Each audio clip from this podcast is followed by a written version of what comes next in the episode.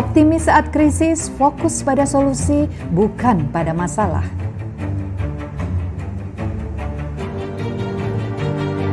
Kerjakan apa yang kamu cintai, hal ini akan membuatmu tangguh karena kamu menciptakan kebahagiaanmu. Temukan tim, di masa seperti ini banyak yang merasa senasib sepenanggungan, saatnya cari teman. Bagikan kebaikanmu, sekarang saatnya berbagi apa yang kamu miliki tidak harus berupa materi, bisa juga tentang semangat diri.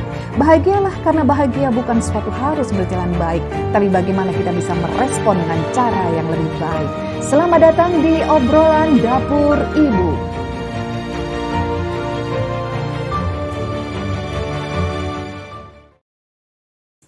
Halo, apa kabar Ibu Indonesia? Selamat datang kembali di obrolan dapur ibu. Bagaimana kabar Anda hari ini? Hari kemenangan sudah hampir kita menujunya, tinggal beberapa langkah lagi, tinggal beberapa hari lagi ya. Maka saatnya kita untuk mensatukan langkah, membulatkan tekad kita dan kita pasti bisa raih kemenangan.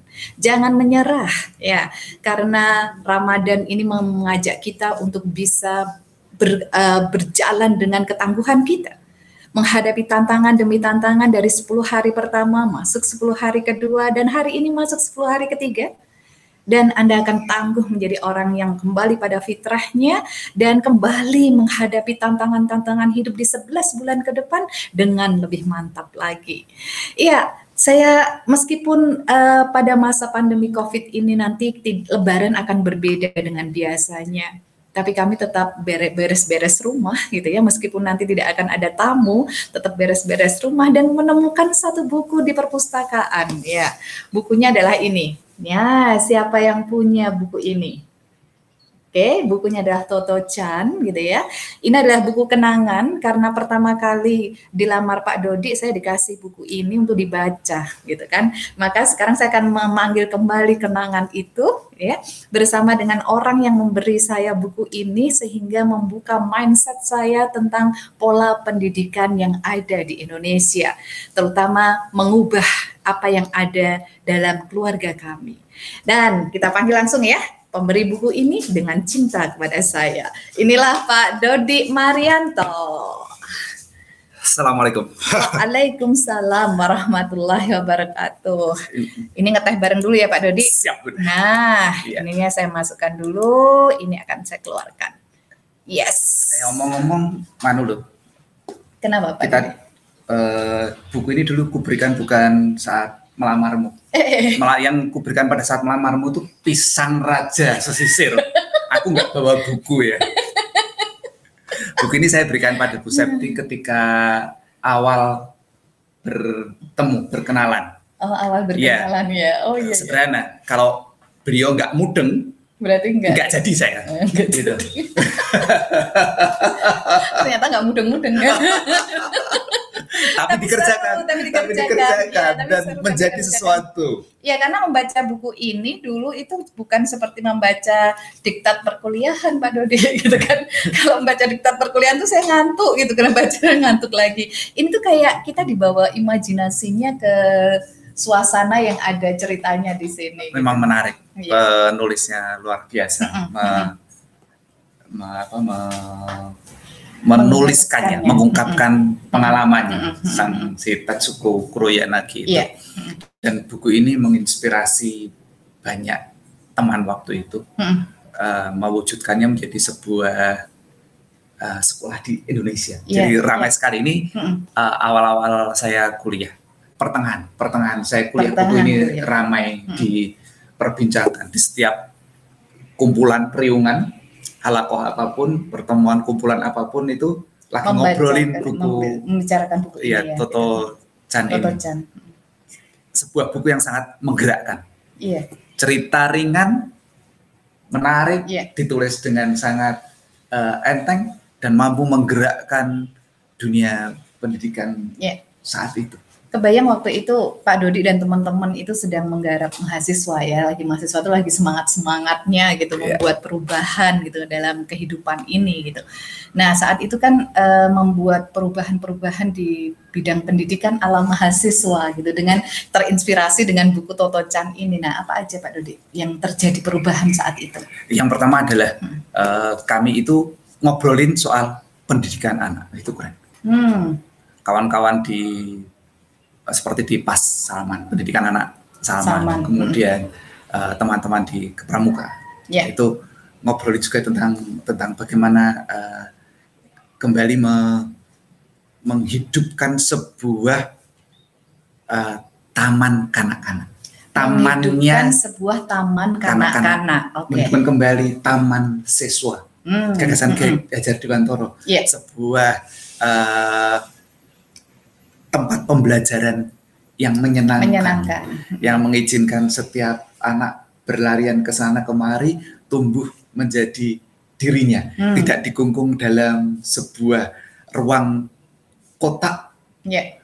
dengan aneka dengan bangku-bangku di dalamnya yeah. yang setiap anak seperti terpenjara. Yeah.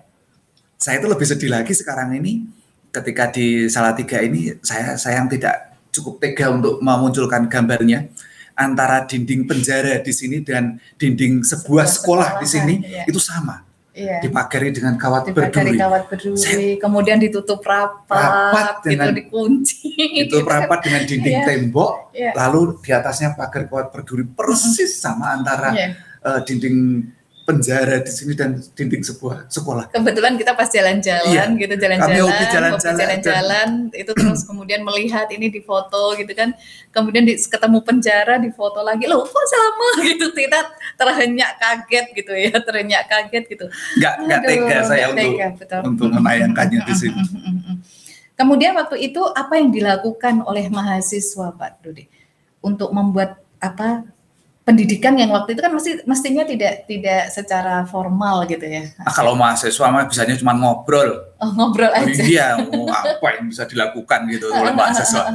Nah, yang menarik adalah teman-teman ketika uh, kami mengobrolkan, kami kan punya banyak laboratorium kecil. Hmm, Jadi semacam pendidikan anak Salman itu. Yeah, itu yeah. Uh, menghasilkan sebuah laboratorium kecil untuk teman-teman ber aktivitas. Hmm. Saya sendiri tidak aktif di sana. Saya hanya bisa nonton teman-teman itu ber, hmm. berkegiatan, uh, bereksperimen dengan kegiatannya. Hmm. Nah, ada satu kawan yang kemudian berani mewujudkan uh, impiannya itu membangun sebuah taman kanak-kanak di dekat tempat saya kos dulu di daerah hmm. Cigadung. Hmm. hmm, hmm. Itu yang ingin mewujudkan uh, apa yang diceritakan hmm. oleh Toto Chan ini. Yeah. Lalu ketika saya mulai uh, apa berkeluarga dengan Bu Septi itu kami tinggal di Depok sudah mulai banyak yang berani yeah. me, merealisasikan gagasan-gagasan itu sehingga anak-anak kami NS dan ARA itu punya kesempatan untuk mencicipi pendidikan ya pendidikan yang, yang ala-ala Toto Chan ya, yang sudah menginspirasi sudah inspirasi ini sudah berani tidak sama dengan yang biasanya ada di yeah. Indonesia saat yeah. itu. Nah, kami lebih suka kemudian memilih sekolah-sekolah yang baru berdiri. Yeah. Karena mereka berani untuk mengekspresikan sebuah gagasan pendidikan yang yang uh, menurut penggagasnya adalah masa depan. Mm -hmm. Dan kami menghargai setiap gagasan yang baru. Mm -hmm. Betapapun itu uh, masih masih apa ya? Mungkin masih masih dalam bentuk yang belum solid, yeah. kami suruh menghargai hal itu. Yeah. Uh, barangkali di antaranya karena kami memiliki sebuah prinsip bahwa pendidikan anak itu adalah tanggung jawab kami. Yeah. Jadi ketika anak-anak berada di lembaga persekolahan itu, mereka sedang melakukan sesuatu yang dalam uh, track yang sudah kami siapkan. Yeah. Kami tidak melepasnya begitu yeah. saja ke lembaga pendidikan itu. Sehingga bila mana ada hal yang mungkin off track, di luar jalur kami, kami masih tetap bisa untuk melakukan yang uh, bertanggung jawab itu ya, kita orang tuanya. Iya, kami yang bertanggung jawab atas hal itu sih kami masih bisa melakukan adjustment ya. atas hal itu. Apabila sekolahnya bisa diajak ngobrol ya kami akan lanjut. Bila tidak, kami tentu akan bisa menggesernya ke sekolah yang lain. Ya. Keuntungan dengan sekolah yang baru berdiri adalah bahwa para pengelolanya, baik pendirinya maupun para gurunya itu masih enak diajak ngobrol yeah. karena mereka juga sedang uh, membangun mengkonstruksi pemikiran mereka itu dalam perwujudan nyatanya sehingga yeah. kalau mendapatkan feedback mereka masih mau mendengarkan dengan yeah, baik. Yeah. Itu keuntungan untuk mendapatkan sekolah baru. Mungkin teman-teman ada yang bingung ya mencari sekolah-sekolah baru hari ini gitu kan karena besok Juni sudah masuk Juli sudah tahun ajaran baru gitu ya kalau kami mang rumusnya dulu cari sekolah yang baru gitu kan cari sekolah yang baru itu masih semangatnya luar biasa gitu itu yang challenge kami tantangan yeah. kami dengan lebah putih adalah senantiasa menjadikannya sekolah yang baru setiap tahun yeah. uh, jadi kami tidak mengizinkan untuk pengulangan tahun sebelumnya yeah. harus ada sesuatu yang baru, baru. Yeah. sehingga uh, setiap guru juga tidak bosan dengan apa yang disampaikannya setiap saat. Setiap saat. Jadi guru itu bukan cuman pintar satu buku pelajaran hmm. diulang bertahun-tahun. Itu iya. nggak ada kemajuan yeah, kalau seperti yeah. itu. Yeah. Harus menghasilkan uh, sesuatu yang berbeda dari tahun sebelumnya. sebelumnya. Yeah. Uh, saya akan menanyakan ke Pak Dodi, tapi juga menanyakan kepada teman-teman apa sih satu kalimat yang uh, yang masuk ke memori bawah sadar Anda tentang buku ini, gitu ya? Kalau Pak Dodi apa Pak Dodi? Satu cerita atau satu kalimat yang ada di sini yang Pak Dori itu ih itu Toto Chan banget itu langsung langsung masuk ke Toto Chan. Iya yang sebenarnya adalah anak-anak itu kalau ada pintu dan ada lubang di pagar uh -huh. pasti akan memilih masuk ke dalam sekolahnya lewat lubang di pagar itu. Itu ada di sini. Teman-teman mendapatkannya boleh ditulis ya, boleh ditulis di komen kalau mendapatkan bahwa apa nih kalau saya itu Pak Dodi apa namanya uh, sekolah di gerbong kereta. Oh, sekolah uh, gerbong ah, kereta. Iya. Itu sebabnya di Lebah Putih. Iya. Itu kalau ada lubang di pagar sekolah kami. Sekolah kami pagarnya pagar, pagar tanaman hidup. Tanaman. Ya kalau ada lubang-lubangnya, saya tidak tidak memintanya untuk betul-betul ditutup rapat bahkan di tembok begitu. Iya. Karena itu adalah tempat yang paling menyenangkan buat anak-anak untuk Betul. masuk. Betul. Jadi itu serunya, serunya bersekolah, bersekolah di sana gitu ya. Serunya bersekolah di sana. Iya, nanti kalau jadi pengen baca bukunya, ya harus baca bukunya, gitu kan harus baca bukunya karena ini, ini versi sudah versi yang ini baru ini saya sudah belikan yang, yang lama itu sudah sobek. wah sudah klumus banget. udah, udah. Ini saya beli ulang yang ya, versi hardcover hard itu agar ya, ya lebih awet. lebih elok lah begitu. Iya, ini Mbak Putri ingat uh, Toto Chan ingat Haiko Projectnya Mbak Nia kemarin. Oh iya, iya, iya betul. Sangat menarik. Uh, sangat menarik. Saya juga menyukai dengan apa Eh, gambar-gambar uh, yang Tetsuko Kuroyanagi sertakan di dalam buku ini. Iya, gambar-gambar yeah, yeah, yeah. yang indah. Iya. Abah Rama juga datang. Selamat datang Abah Rama gitu. Terus saya ada di mana ya? Kok saya nggak tahu buku itu yang pasti zaman saya yang kami kenal adalah apa? Cersil. Cersil, cerita silat dan banyak yang masih ingat ceritanya sampai sekarang. Wah, itu nanti cerita silat itu ya, Abah iya. ya. Kalau di cerita silat saya punya tokoh yang lain lagi nih, Abah. Iya. Yaitu Tio Buki. Ah, nah, betul betul. Karena Tio Buki punya sebuah cara belajar yang unik yang luar yeah. biasa. Nantilah ceritanya belakangan nanti ya soal Churchill ini. Iya, yeah, iya. Yeah. Pak Dodi, buku Toto Chan ini mempengaruhi sekali banyaknya pendidikan alternatif di Indonesia, gitu kan. Nah, apa aja sebenarnya Pak Dodi yang bisa-bisanya buku yang tidak isinya tidak tentang teori pendidikan, tapi tentang cerita-cerita uh, apa ya, yang disusun dengan sangat ringan gitu ya, itu bisa mempengaruhi gerakan pendidikan di Indonesia gitu. Pendidikan alternatif itu apa? Apa ya uh, gitu ya. Metode dukun gitu.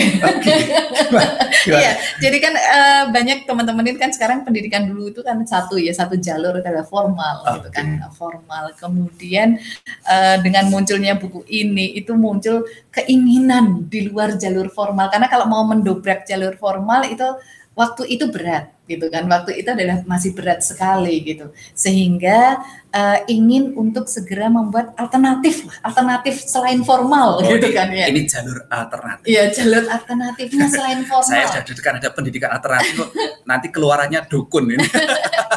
Sehingga muncul ini berbagai macam gagasan gitu kan. Ya, yang pertama ya saya mau sampaikan kepada teman-teman yang mungkin di uh, di dinas pendidikan lah ya mm-hmm. atau di Kementerian Pendidikan terserah yeah. yang mana. Uh, yang kita tahu adalah saat ini dengan pendidikan yang kita lakukan seperti saat ini kita tidak mendapatkan prestasi yang bagus. Itu faktanya. Yeah. Terima saja. Yeah. Dari aneka pengukuran internasional baik PISA lalu apalagi aneka pengukuran mm-hmm. itu uh, dunia pendidikan kita uh, berada pada peringkat yang tidak bagus, tidak hmm. menggembirakan. Hmm. Itu fakta ya. Hmm. Kemudian uh, dari segi hasil karya, yeah. jumlah paten di Indonesia tidak menunjukkan uh, angka yang yang menggembirakan, yang ya. signifikan. Yeah. Hmm. Persentase jumlah penduduknya uh, terhadap persentase jumlah penduduk terlalu kecil. Yeah. Jumlah paten di Indonesia. Itu artinya pendidikan di Indonesia juga tidak menunjukkan hasil karya yang bagus. Hmm karya-karya monumental berupa uh, perwujudan baik produk maupun jasa di Indonesia juga tidak menunjukkan inovasi dan hasil yang membingungkan. Itu juga indikator pendidikan di Indonesia tidak bagus. Ya. Jadi mari kita terima bahwa dengan cara seperti itu ternyata hasilnya tidak bagus. Ya. Jika demikian, maka marilah berlapang dada. Hmm. Apabila ada yang uh, mencoba menawarkan sebuah bentuk pendidikan yang lain. Ya. Jangan buru-buru kemudian ditolak dan dipagari dengan aneka macam peraturan, ya. semacam akreditasi dan lain sebagainya itu. Faktanya adalah bahwa mereka yang terakreditasi dengan baik itu tidak menghasilkan hasil pendidikan yang baik. Jadi kenapa harus mempertahankan sesuatu yang tidak menghasilkan hal yang hmm. baik? Hmm. Maka mari berlapang dada atas hal yang ditawarkan uh, bentuk pendidikan anak yang lain yang yeah. tidak sama dengan yang saat ini hmm. ada. Nah, kemudian bagaimana menjaganya agar uh, apa namanya misi misi bernegara yang diemban oleh dinas pendidikan hmm. yaitu untuk mencerdaskan kehidupan bangsa, bangsa. tidak dilanggar. Yeah. Artinya anak-anak tetap uh, mendapatkan pendidikan terbaik. Yeah. Maka siapkan satu perangkat untuk memberikan uh, pengawasan dan monitoring yeah. untuk hadirnya eh, cara-cara uh, atau jalur-jalur pendidikan alternatif yang ditawarkan itu. Yeah. Sehingga nanti apabila ada hal yang mungkin off track dapat diberikan feedback tapi tidak dibatasi atau ditutup kemungkinannya itu. Hmm. Nah, itu akan akan membuat uh, kehidupan uh, menemukan jalur yeah. pendidikan yang terbaik itu hmm. akan didapatkan. Indonesia ini sangat beragam yeah. dari Sabang sampai Merauke jumlah sukunya juga banyak jumlah ragam budayanya juga banyak banyak. artinya kita punya punya aneka macam cara yang mungkin tidak sama yeah. satu dengan yang lainnya hmm. mengapa tidak belajar untuk menghargai lokalitas masing-masing yang penting nantinya kita akan menuju kepada uh, bentuk yang unggul, unggul ya. sebagai uh, bangsa yang unggul yeah. secara keseluruhan. Yeah. Nah, saat ini sebenarnya banyak banyak support yang bisa kita dapatkan ini, ini blessing ini berkah buat kita semua bahwa teknologi dan informasi itu memberikan kita kemungkinan besar untuk mendapatkan bentuk-bentuk pendidikan yang unggul dengan tetap uh, memperhatikan menghargai lokalitas yang ada. Yeah. Bahkan sekarang ini yang dianggap segala sesuatunya serba sama, hmm. standar, itu tidak lagi disebut sebagai unggul. Yeah. Unggul adalah apabila memiliki sebuah keunikan. keunikan. Nah, kita ini banyak memiliki keunikan secara natural. Yeah. Kultur kita beragam, bahasa bahasa beragam, beragam gitu. lokalitas geografis kita beragam. beragam. Alangkah sayangnya jika semuanya harus diseragamkan dari yeah. Sabang sampai Merauke. Yeah. Sehingga justru kita menghilangkan aspek keunggulan natural yang sudah kita miliki yang nah, secara fitrah itu sudah ada. ini sudah, sudah ada, sudah ada gitu ya. di Indonesia ini. Yeah. Maka uh, mari kita belajar untuk menghargai uh, aneka keberagaman itu yeah. termasuk di dalam tata cara mendidik anak. Mm -hmm. Nah, kemudian disiapkan nih. Kalau demikian lalu ada apa yang penting untuk diperhatikan mm. pada setiap uh, jalur yang ditawarkan alternatif mm -hmm. ini. Ada proses yang memang harus dilakukan ya. agar kesungguh-sungguhan dalam mendidik anak tidak menjadi terabaikan hanya atas dasar ini beda kok, ini alternatif kok.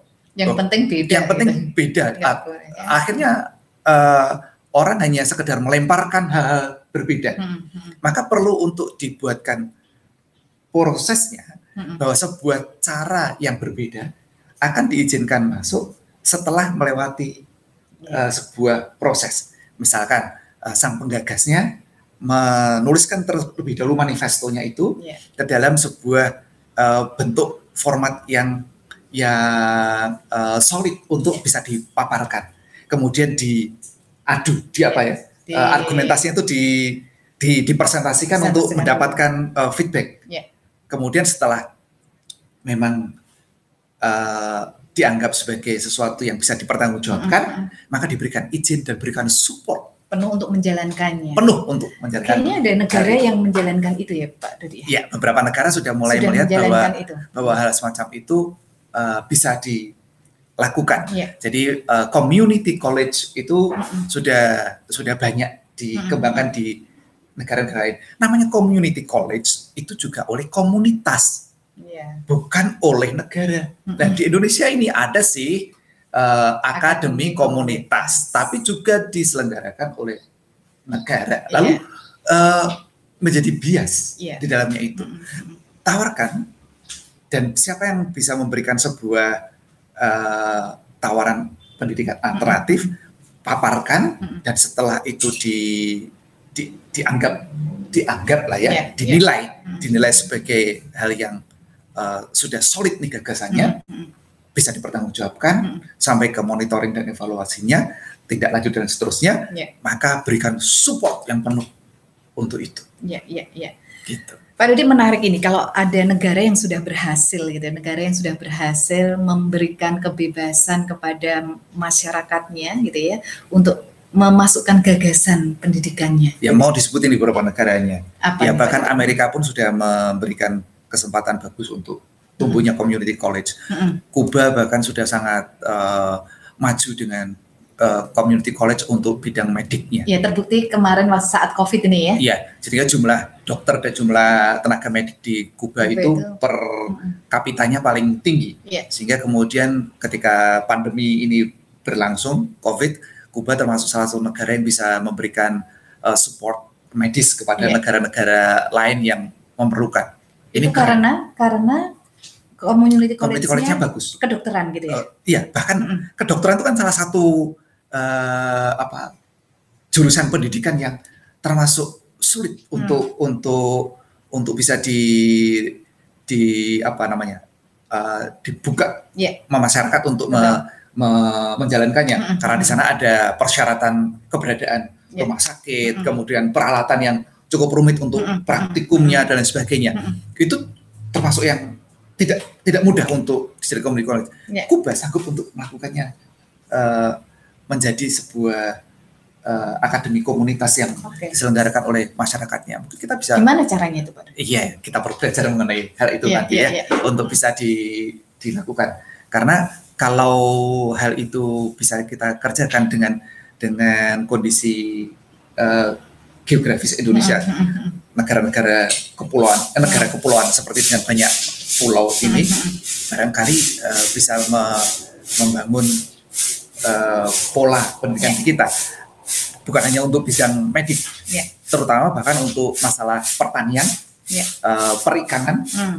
dan hal-hal yang yang menjadi ciri ke keunikan dan keunggulan kita sebagai negara agraris dan maritim ini mm. uh, sehingga kita tidak menjadikan Indonesia ini dari Sabang sampai Merauke semuanya serba sama. beras dan padi. padi. Kita sibuk mencetak sawah di sana sini sementara juga tidak terlalu paham bahwa ternyata daerah itu tidak cocok untuk sawah. Iya. Lahannya gambut kok mau dicetak yeah, yeah, jadi yeah, tanaman yeah, yeah. apa jadi lahan persawahan itu kan enggak enggak tepat pada sana. Lalu yang cocok apa? Masyarakat lokal pasti memiliki wisdom untuk hal itu. Mengapa mereka melakukan hal itu? Jadi janganlah segala sesuatunya harus sama, sama. dari ujung ke ujung. Jadi para pemangku itu mesti melihat bahwa Indonesia itu bukan hanya Jawa, hmm. apalagi bukan hanya Jakarta, begitu ya, untuk lebih memahami keberagaman ini dan menghargai, memberikan ke keleluasaan untuk bertumbuh sesuai dengan uh, keunggulan masing-masing ya, ya. Wilayah secara geografis, secara geologis, secara kultur, ya secara ya. banyak hal yang ya, ya. kita ini itu tadi kan gagasan komunitas besar gitu ya Pak Dodi ya, yeah. secara komunitas besar. Nah, kita pun pasti akan me, kalau itu arah langkahnya panjang gitu, arah langkahnya panjang untuk menuju ke sana. Nah, bagaimana kalau kita tarik dulu hari ini untuk menuju ke komunitas terkecil yaitu keluarga, yeah. gitu ya. keluarga sehingga kita bisa menjalankannya nanti malam gitu kan atau besok pagi sudah bisa gitu. Nah, gimana caranya biar setiap keluarga itu punya keunikan, kemudian berhak berdaya untuk membuat uh, pendidikan ala keluarga mereka masing-masing. Nah, dimulainya dengan cara yang seperti apa gitu kan? Iya, dengan berani mengambil tanggung jawab bahwa pendidikan anak itu adalah tanggung jawab kita sebagai yeah. orang tua. Orang tua. Pertanggungjawabannya dunia akhirat. Hmm. Itu kembali kita kita ambil hmm. hal semacam itu. Hmm. Sehingga kemudian mari kita mulai ngobrol. Hmm. Balik lagi nih ngobrol, ngobrol gitu ya. Dengan, kuncinya ngobrol dengan keluarga kita hmm. untuk uh, menata menata okay. langkah untuk melihat bahwa setiap anak itu unik. Hmm.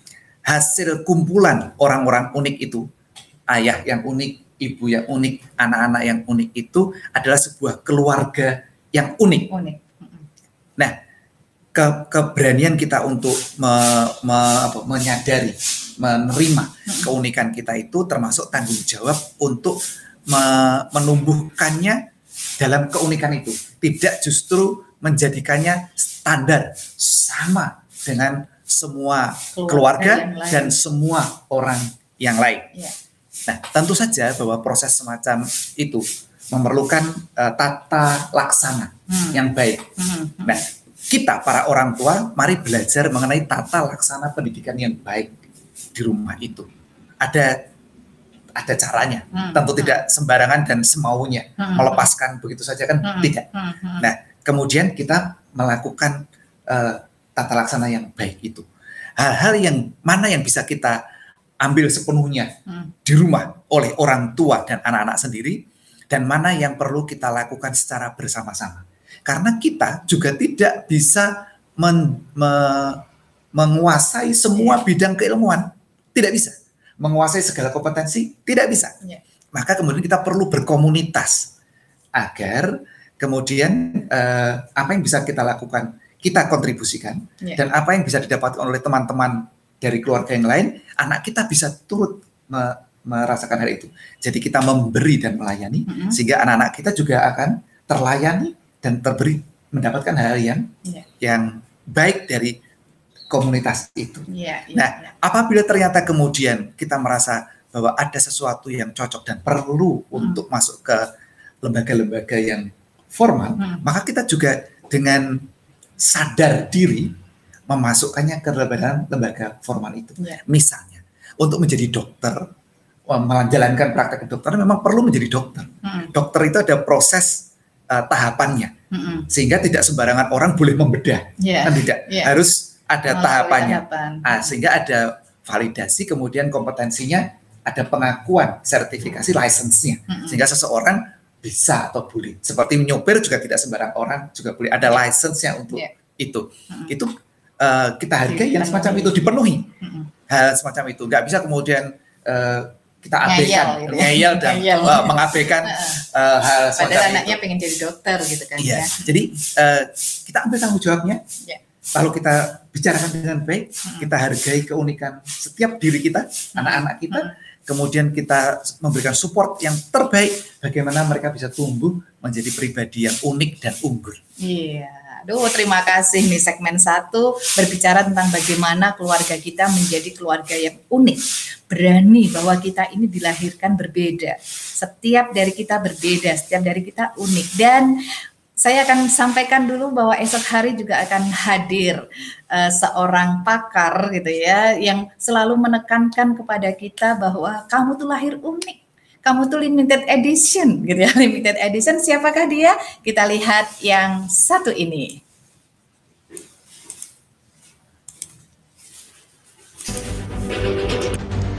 Di saat muda, aktif, sehat, bahagia, itu sudah biasa.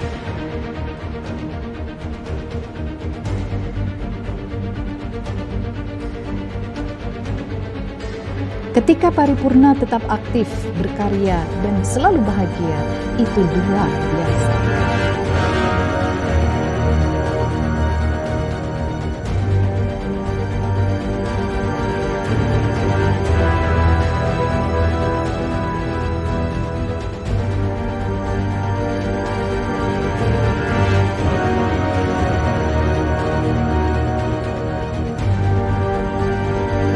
Pepatah mengatakan facts are proof that no matter what happens, every day can end beautifully.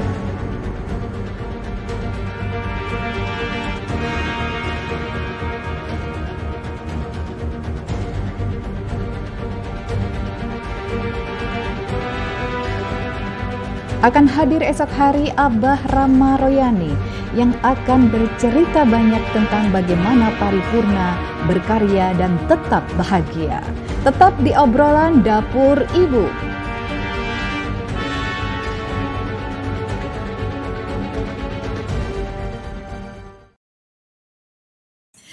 Iya, besok akan hadir di tengah-tengah kita seorang ayah bagi saya, ya, gitu kan. Super senior saya. Super seniornya Pak ya, Dodi. Beliau angkatan 64. Iya, dan hari ini hadir juga. Terima hmm. kasih untuk selalu hadir di obrolan dapur Ibu. Esok hari langsung ada di stage kita dan teman-teman bisa siapkan obrolan santai ringan tentang bagaimana Abah bisa paripurna, tetap berkarya dan jangan lupa bahagia. Tentu selalu bahagia Abah itu ya. Iya, Pak Dodi sudah ada banyak pertanyaan yang masuk gitu okay. ya. Kita akan mulai bahas dan tidak semuanya tentang pendidikan okay, ya, tentang pendidikan karena ini alternatif semua pertanyaannya. karena tadi kan alternatif ya dari Mbak Erli di Batam. Apa kabar Mbak Erli ya? Uh, dulu pernah baca postingan Bapak tentang gerangsang gitu ya gitu kan boleh dong diceritakan dibahas di obrolan dapur ibu tentang gimana ngatasinya Pak Dodi gerangsang itu diterjemahkan dulu Pak dulu iya. secara definisi gitu ya karena tidak semua paham tentang gerangsang itu apa iya, ini gitu bahasa kan? Jawa memang gerangsang itu ya. gerangsang itu kalau melihat makanan uh, apa wajahnya itu rakus pengen melahap semuanya okay. dan tidak menyisakan kepada yang lainnya. Yeah. Jadi semua pengen dikukui sendiri gitu. Yeah, betul. Enggak pengen berbagi dengan yang lain. yang lain. Itu ngerangsang dan biasanya muncul karena uh, merasa kekurangan. Bukan kekurangan ya, merasa kekurangan. Oh, merasa. Ini tanda yeah. petiknya nih, ada merasa. Merasa itu karena ya rasa. rasa. Namanya juga rasa. Ya, ya, ya, karena merasa kekurangan itu itu penting uh, buat Tiffany. Jadi anak-anak itu apa ya seolah serba kekurangan dengan dengan apa yang ada di di di hadapannya. Ya. Nah, karena ini persoalan merasa, rasa, maka penuhi terlebih dahulu rasanya itu. Oke. Okay. Jadi uh, anak-anak itu khawatir kan karena itu dia khawatir kurang. Nanti kalau diambil sama temannya berarti jatahnya akan hilang, hilang ya. akan berkurang atau ya. hilang bahkan gitu itu. Sehingga kalau mau ada makan gitu langsung diambil ngumpet makan sendiri. Yeah. Atau kalau ada makan gitu, oh, kelihatan rakus kayak semua yeah, gitu. Yeah, nah, yeah. lalu karena bentuknya perasaan, maka kita sebagai orang tuanya perlu memberikan rasa aman hmm. tentang hal itu. Yeah. Bahwa kalau kamu minta apa saja itu ada. Hmm. Nah, nah bagaimana perasaan aman itu bisa muncul? Uh, Bunda, eh ayo ceritakan bagaimana caranya yeah. dengan hal itu. Kalau dulu uh, saat anak-anak kecil-kecil ya NSR masih usia-usia balita gitu ya itu kan seneng banget kalau melihat temennya pada makan macem-macem gitu ya itu makan macem-macem dan rumah kami itu dekat dengan sekolah SD. dengan sekolah SD jadi banyak jajanan SD di Impress itu jadi banyak banget. jajanan ya, ya jajanan, ya itulah banyak jajanan banget itu. jajanan di sana itu. Dan saya berusaha untuk agar anak-anak tidak tidak membeli jajanan yang ada di SD tersebut karena menggiurkan. Warnanya menggiurkan semuanya serba menggiurkan. Dan anda tahu sesuatu yang segalanya serba menggiurkan pasti juga berkemungkinan besar menyesatkan. menyesatkan iya. Ya, nah, makanan yang terlalu menyala warnanya, warnanya pas gitu ya. Ya, ya itulah. Itu. Nah, saya berusaha untuk karena rumah kami sangat dekat hanya satu jengkal aja dengan SD itu, jadi godaan itu selalu ada. Apa yang saya lakukan? Saya membeli uh, atau membuat makanan yang memang uh, seperti yang ada di sana, tapi lebih sehat. Kemudian diletakkan sudah ada di lemari makan, gitu.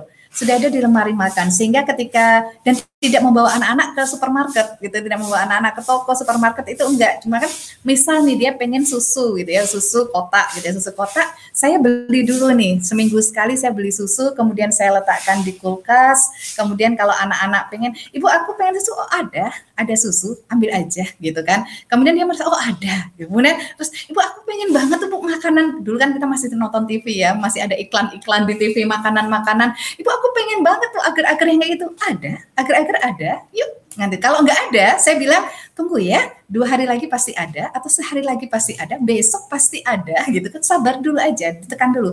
Sehingga lama kelamaan anak-anak tuh merasa sudah terpenuhi, terpenuhi. ya, terpenuhi Tidak khawatir. rasanya. Segala sesuatu yang mereka perlu, ya ada, ada ibunya punya semua serba ada gitu serba ada dan uh, bisa dan ada pun itu karena kita tidak tidak dalam kondisi serba punya waktu itu gitu, tapi mengusahakan gitu. Mengusahakan saya terinspirasi sebenarnya kepada uh, teman yang uh, di Jogja dulu itu ya. Apa yang uh, buruh cuci itu Pak. Oh, yang kita buruh cuci bukan di Jogja tuh, yang di Jakarta. Oh, di Jakarta yeah. ya, iya. yang kita undang itu kan gitu. Yeah. Itu jadi gini, beliau adalah buruh cuci. Kemudian apa suaminya namanya? Satpam, suaminya sudah meninggal. Sudah meninggal. Kemudian ini single parent terus orang tiga, anak. tiga anaknya ada dan yang pertama itu udah udah gede gitu ya adik-adiknya masih kecil-kecil gitu. Nah setiap kali sang adik itu bilang ibu ibu aku mau itu gitu aku mau makanan apa gitu itu makanan itu. Ibunya selalu uh, kong kali kong sama si kakak pertama kak coba deh kak tengok itu kotak hitam itu. Kita punya kan kita bisa kan kita bisa beli makanan itu kan. Kemudian si kakak apa namanya membuka kotaknya dan bilang iya kita bisa kita bisa beli. Gitu kita bisa ada, beli. Bu. ada, ada. Bu kita bisa beli gitu. Meskipun sebenarnya saat itu belum ada dan si ibu bekerja mencari pocokan mencuci untuk membelikan makanan itu. Gitu. Terus seperti itu yang di sehingga anaknya tidak gerangsang banget meskipun tahu bahwa kondisinya miskin tahu kondisinya miskin melihat anak-anak tetangga yang lain pada makan seperti itu dia merasakan oh ada kok aku ada di aku rumah. bisa. tapi aku disuruh nunggu nanti setelah ibuku pulang kerja gitu kan. Setelah ibuku pulang kerja nanti aku bakalan dapet kok gitu. Itu uh, menunggunya kuat banget. Dan apa yang terjadi yang bikin saya meleleh itu adalah ketika anak-anak tersebut sudah besar-besar gitu ya. Ibunya duduk kemudian bilang e, ibu mau apa? Gitu kan. Terus mau uh, umroh atau jalan-jalan mana? Enggak ah, kayaknya nggak mungkin lah nanti ke sana. Kemudian si biayanya kan biayanya banyak. kan banyak banget, nggak mungkin lah ke sana. Apa yang dilakukan si adik teriak sama si kakak, kak coba tengok kotak hitam itu, gitu kan? Kak coba tengok kotak hitam itu. Kita bisa kan umrohin ibu, bisa kan gitu dibuka. Kakaknya mau buka lagi dan ada, kita bisa gitu, kita bisa. Dan ibunya tuh masih ingat ya Allah itu kan yang kulakukan sejak dulu, gitu kan? Yeah. Itu saya mendapatkan inspirasi luar biasa dari dari uh, tokoh yang saya undang waktu itu untuk ngobrol bareng dan ternyata memang luar biasa berefek bagi keluarga kami gitu. Jadi ketika ketika anak-anak pengen sesuatu yang kami ternyata untuk makan besok aja kami masih bingung sebenarnya gitu kan. Tapi mereka itu punya mental yang uh, tanganku di atas, kemudian aku bisa kok gitu, aku bisa kok gitu. Nah itu yang terjadi. Itu caranya. Ya. Kemudian secara uh, maknawi kita berikan sebuah pemahaman bahwa seorang pemimpin, eh, kita itu lahir sebagai pemimpin, ya. sebagai khalifah Allah. -huh. Nah setiap pemimpin itu makannya terakhir. Ya. Jadi jika kamu punya sesuatu, tawarkan dulu kepada kawan-kawanmu, tawarkan kepada saudaramu.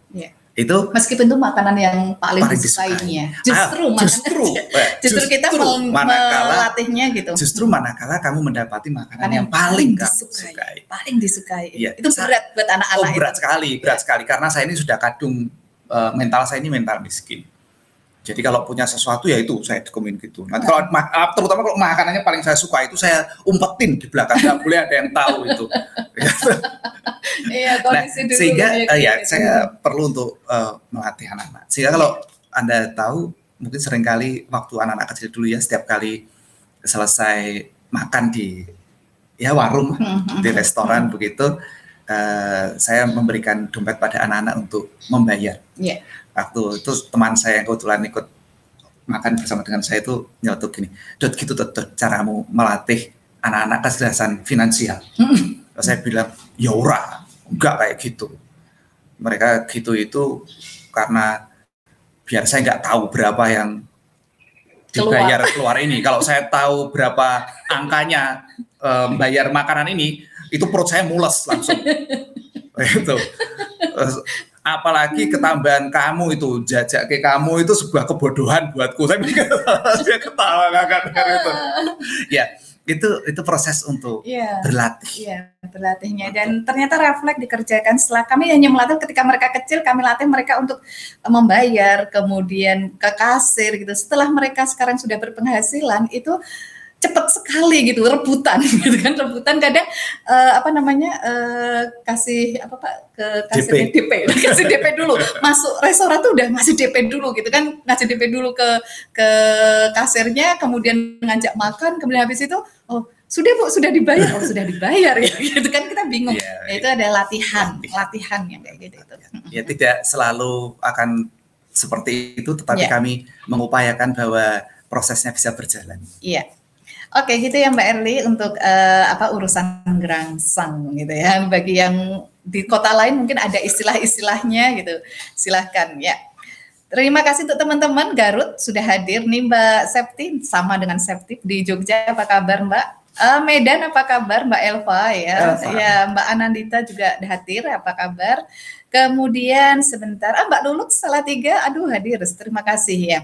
Uh, ini ada pertanyaan lagi Pak. Oh ini kalau Mbak Putri ingat Toto Chan itu ada yang uh, ada Heiko Project ingat kemudian Heiko ya ingat Heiko ya. Projectnya ini ya kemarin ya. yang belum nonton uh, acara belajar dari yang muda harus nonton itu karena inspiratif banget ya. ya. Dari Mbak Sri Mutiara Suhardi di Lombok, apa kabar Mbak Lombok ya? Ini ada pertanyaan nih Pak Dodi. Uh, Pak Dodi, menurut Bapak sebagai lelaki atau suami gitu ya, enaknya ngajakin diskusi tentang masa depan itu gimana ya Pak? Ya itu kan alternatif ya Pak ya. Jadi bisa diskusi masa depan gitu kan. Bisa diskusi masa depan. Mana tadi saya sudah ngajak ngobrol suami tapi kok rasanya saya belum ada progres ya Pak ya gitu. Ya ngobrol aja terus. Hmm.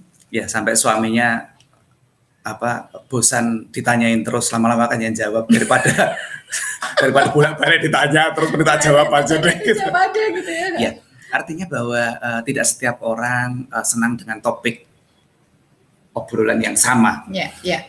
Maka mulailah dengan topik obrolan yang sama-sama disukai. Jadi kalau hmm. saya dengan Abah Rama tadi ngobrolnya bukan dengan Toto Chan, hmm. tapi saya akan sama-sama berbicara tentang Toliongto, kemudian Tuan nakal.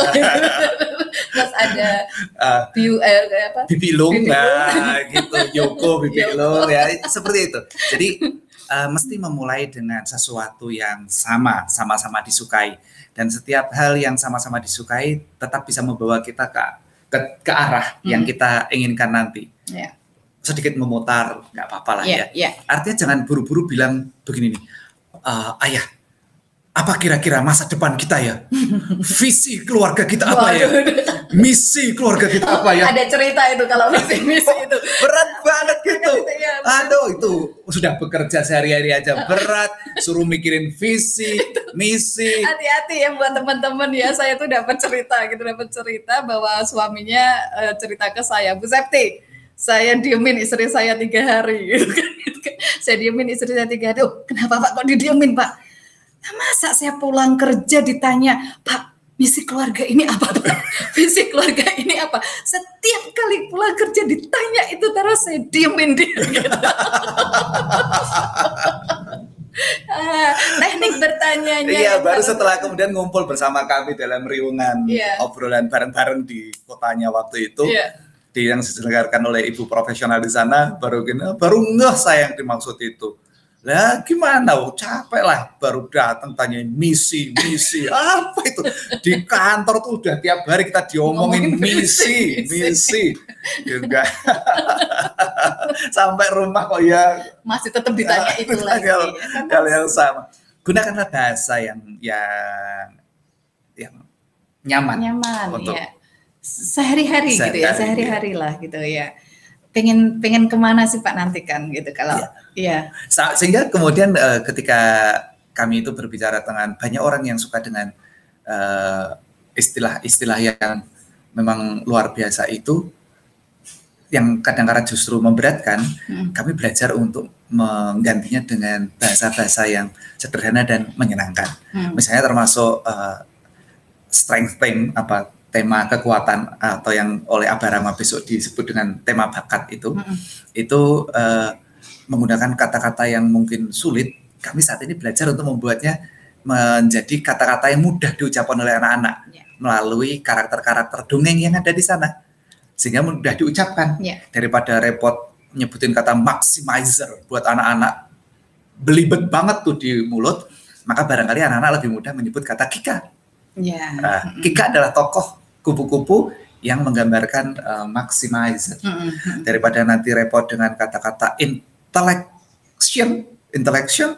Nah, anak-anak mungkin lebih mudah menyebutnya dengan uh, si Devi. Ya, Mm. Devi adalah tokoh karakter lumba-lumba yang menggambarkan uh, strength theme atau tema bakat, Bakat, uh, ya. intellection Iya, gitu. Kira-kira begitulah. Hmm. Jadi kami menggunakan bahasa-bahasa yang yang nanti mudah dan nyaman untuk di Iya. dipakai oleh Mm-mm. anak-anak. Ya, ini ada dari Abah Rama nih Pak Dodi. Eh, menarik relief di Borobudur tuh nggak ada gambar padi. Ya. Yang ada gambar empat macam pohon palm. Ya. Dan nasi di Jawa disebut sego. Sangu berarti dan sangu berarti makanan pokok kita itu sagu. Oh. Oh. Boleh jadi apa? Iya. Boleh jadi. Mm-mm. Karena uh, menurut riwayatnya padi itu memang tidak dari Indonesia. Iya. Impor dari uh, tanah lain. Kalau tidak keliru dari Kambodia atau mana waktu Iya. itu yang yang masuk ke Indonesia. Sehingga padi itu sebenarnya bukan tanaman uh, lokal di Indonesia. Indonesia. Hanya kemudian uh, raja waktu itu mendapatkan semacam upeti gitu ya Ya. dari tanah seberang. Kita dulu kan luar biasa besarnya. Mm-mm, mm-mm. Majapahit itu kan sampai ke Nusantara. ya Nusantara itu kan negara-negara lain Ya. dan bahkan sebelum Majapahit kita juga sudah terhubung dengan uh, negara-negara lain. Pelaut-pelaut Bugis itu sudah terkenal sampai ke mana-mana dan barangkali membawa aneka macam benih Ya. yang ketika dirasakan kok enak. Ya, Lalu dicoba ditanam di di Indonesia. Indonesia. Dan seperti kita ketahui sebenarnya eh, Indonesia itu memiliki ragam padi yang luar biasa banyaknya di kita ini. Bahkan ada jenis padi yang bisa tumbuh di tanah berawa Hmm. yang eh, apa namanya akarnya itu panjang sekali karena harus bisa menyentuh dasar rawa itu untuk bisa mendapatkan pijakan tanahnya. Mm-mm, mm. Ada, tetapi sekarang sayang sekali eh, spesies ini sudah Ya. tidak ditemui lagi. Itu karena waktu itu Indonesia sempat diseragamkan. Iya. Seluruh Indonesia harus menanam jenis harus yang menanam sama. jenis padi yang sama. Iya. Bagi mereka yang berani menanam jenis padi yang berbeda, bisa dapat stempel X Tapol. Dan itu Iya, artinya itu banget. segala Iya. kegiatan kerja dan administrasinya bisa terhambat Iya. luar biasa. Itu eh, pembunuhan keragaman hayati Indonesia yang luar biasa. Iya. Jadi boleh jadi kita tuh sebenarnya memang bukan Pemakanan pemakan beras, beras. Dulunya. Lalu eh, di- Umbi-umbian ya. umbi-umbian, Kita dulu kan ini, umbi-umbian. umbi-umbian. ya. Itu mirip juga bahwa sapi itu bukan eh, lokal Indonesia. Heeh. Yang lokal Indonesia itu adalah banteng Ah, dan mungkin kerbau. Oke. Iya. Nah, agak mengherankan sekarang kita justru dibombardir untuk sa- sapi. di seluruh daerah di Indonesia ini. Sama juga mungkin dengan eh, teman-teman yang mengkonsumsi eh, jenis makanan yang lainnya yang sekarang ini mungkin ada. Eh, kita merasakannya sebagai eh, impor. Mm-mm. Barangkali, barangkali loh ya. Tetapi saya tidak tidak menyamakan nantinya. Sebagaimana kita saat ini selalu di, di disarankan untuk makan kurma. Iya. Sementara kurma bukan makanan lokalitas Indonesia. Karena makin banyaknya ke demand akan kurma, maka kemudian beberapa daerah sudah mulai menanam kurma. Seperti di pesisir Prosesnya mungkin pesisir seperti itu ya. ya, eh, Jawa Timur itu sudah mulai menanam kurma. Sehingga barangkali suatu saat kita akan mendapati kurma seolah-olah adalah makanan dari Indonesia. Indonesia. Mungkin akan seperti itu wujud eh, Iya. gambarannya Mm-mm, mm-mm, itu. Mm-mm. Tidak tidak saya tidak me- menjudge mm-mm. akan seperti itu hanya barangkali proses Mungkin, itu iya. akan Mm. terjadi. Karena kita masyarakat muslim besar terbesar di dunia Mm-mm. dan demand akan kurma setiap Ramadan. Ramadan tinggi sekali Iya. bahkan kemudian orang mungkin akan wah ini eh, ada demand pasti supply akan berusaha untuk memenuhinya Iya. Mm-mm, akan mulai menanam Mm-mm. seperti itu mm-mm, mm-mm. dan seperti kita lihat beberapa daerah sudah kurmanya bisa Berbuah. tumbuh buahnya mm. Itu. Iya, seperti itu ya. Terima kasih Abah ya. Kemudian dari Mbak Kis Hartati. Oh, meski demikian uh. saya perlu menyampaikan bahwa uh, ditemukan sebuah uh, ditemukan benih padi yang barangkali unik di uh, reruntuhan candi. Hmm. Jadi uh, pada masa itu juga mungkin mulai awal-awal padi itu masuk ke Indonesia. Yeah, yeah.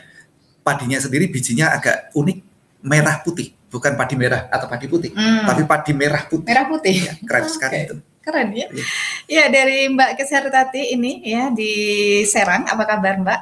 Uh, apakah Bu anak yang sudah 18 tahun, apakah artinya pendidikan terhadap anak saya sudah selesai? Ya belum. Uh, selesai atau tidak itu pendidikan adalah berakhir di tiang lahat. Hmm. Jadi kalau kita menganut bahwa ada yang namanya lifelong learning yeah. itu dan di Islam itu juga menyebutkan bahwa uh,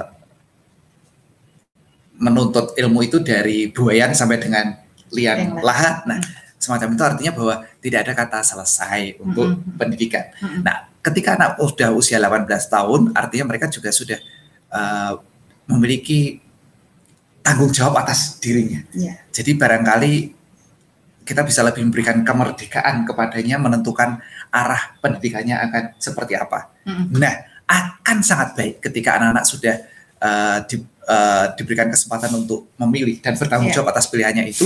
Sebelumnya mereka sudah diberikan pelatihan, mm. latihan bagaimana proses memilih dan mengambil keputusan yang benar dan bertanggung jawab itu seperti apa. Yeah, yeah, Jadi yeah, itu struktur berpikirnya sudah yeah. dibangun mm -hmm. dan mentalitas bertanggung jawabnya mm -hmm. sudah ditumbuhkan. Yeah. Jadi itu, akan sangat baik. Ya, penting banget untuk melatih struktur berpikir gitu ya. Karena kemarin saya dan Pak Dodi belajar bareng itu dengan seorang profesor di ITB tentang betapa pentingnya pendidikan di Indonesia itu untuk mengajari anak-anak struktur berpikir gitu ya struktur berpikir yang terpenting untuk dilatihkan sebagai bekal dia belajar kalau kita menyebutnya learn how to learn-nya itu ya ya sehingga tidak terjadi uh, apa namanya eksodus mentah-mentah dari pendidikan offline ke pendidikan online ya. ini adalah termasuk namanya gagap ber, berpikir gagap, berpikir. gagap pikir ya. karena tidak memiliki struktur berpikir yang benar. Hmm. Sehingga ketika mendadak persekolahan, pembelajaran yeah. di sekolah dipindahkan ke pembelajaran online, maka para guru memindahkannya mentah-mentah semua yang ada di kelas dipindahkan ke ruang online. online yeah. Itu artinya terjadi gagap berpikir. Yeah. Maka mereka para pengajar itu melakukan seperti itu ada gagap berpikir hmm. karena memang proses pendidikannya yeah. keliru. Proses yeah. pendidikan guru yeah. saat ini hmm pasti ada yang keliru. Yeah. Para teman-teman yang mengajar di uh, lembaga pendidikan seperti FKIP dan lembaga uh, universitas-universitas negeri yang malah, uh, malah melahirkan para guru mm-hmm. tidak perlu uh, apa menolak dan membuat benteng pertahanan atas. Terima situasi ini. Lalu mari kita buat sebuah perubahan agar para guru di masa yang akan datang itu lebih siap yeah. memiliki struktur berpikir yang baik dan memiliki sikap mental yang baik. Mm -hmm. Itu uh, sederhana. Di Jawa ini sudah keren banget menyebutnya yeah. dengan ojo gampang percaya, ojo, kagetan, ojo gumunan. Yeah. Itu terjemahkan Pak sekali. ya, oh mau. Ojo tidak, kagetan. Janganlah mudah percaya jangan mudah terhadap sesuatu mudah itu. Percaya. Jangan mudah, gitu ya. jangan mudah kagum dengan apa yang ada di hadapan kita itu. Ojo gumunan. Jangan mudah, jangan kagetan itu ya. Kagetan Jangan itu. mudah terkaget-kaget dengan yeah. dengan apa yang hadir di hadapan kita. Yeah. Semuanya perlu di diterima, dicermati, mm -hmm. uh, diterima dengan sikap yang cermat. Gitu. Iya, iya, iya. Oke, ini ada oh Pak Ade, selamat datang Pak Ade Lukman. Terima kasih. Ini ada dari Simon Sinek nih Pak, Leaders It Letters gitu ya, gitu ya. Itu adalah uh, konsep pemimpin makan terakhir gitu. Terus apa lagi nih? Oh jadi ingat kalau makan sama-sama PM sebelum makan sudah dibayar dulu. Kan gantian ke soto Pak D nanti ya.